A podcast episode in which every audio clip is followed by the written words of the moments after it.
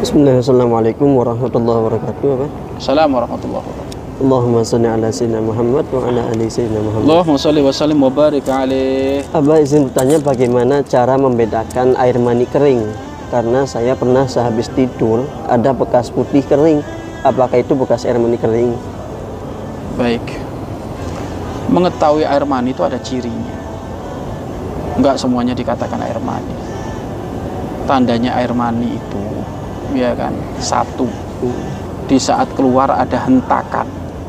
Di saat keluar itu ada hentakan. Dan itu lebih nampak kepada kaulah laki-laki. Kemudian yang kedua di saat keluar terasa nikmat. Ya kan?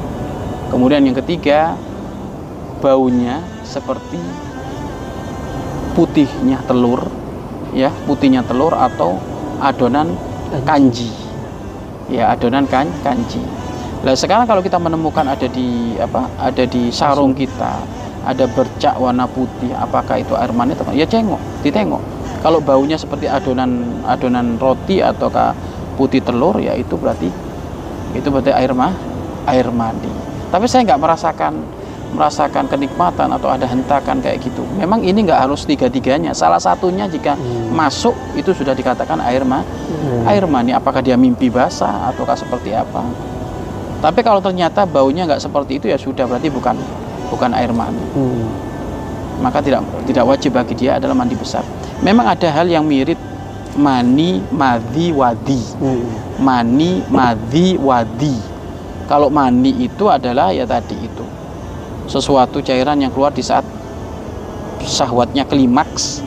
Kalau wadi madhi madhi madhi sesuatu cairan yang keluar di saat bangkit syahwatnya terangsang. Kalau wadi kalau wadi adalah sesuatu cairan yang keluar di saat kecapean karena ngangkat barang-barang yang berat. Hmm. yang wajib mandi besar hanya mani saja. Hmm. kalau madhi nggak wajib mandi besar tapi najis. Kalau terkena sarung najis.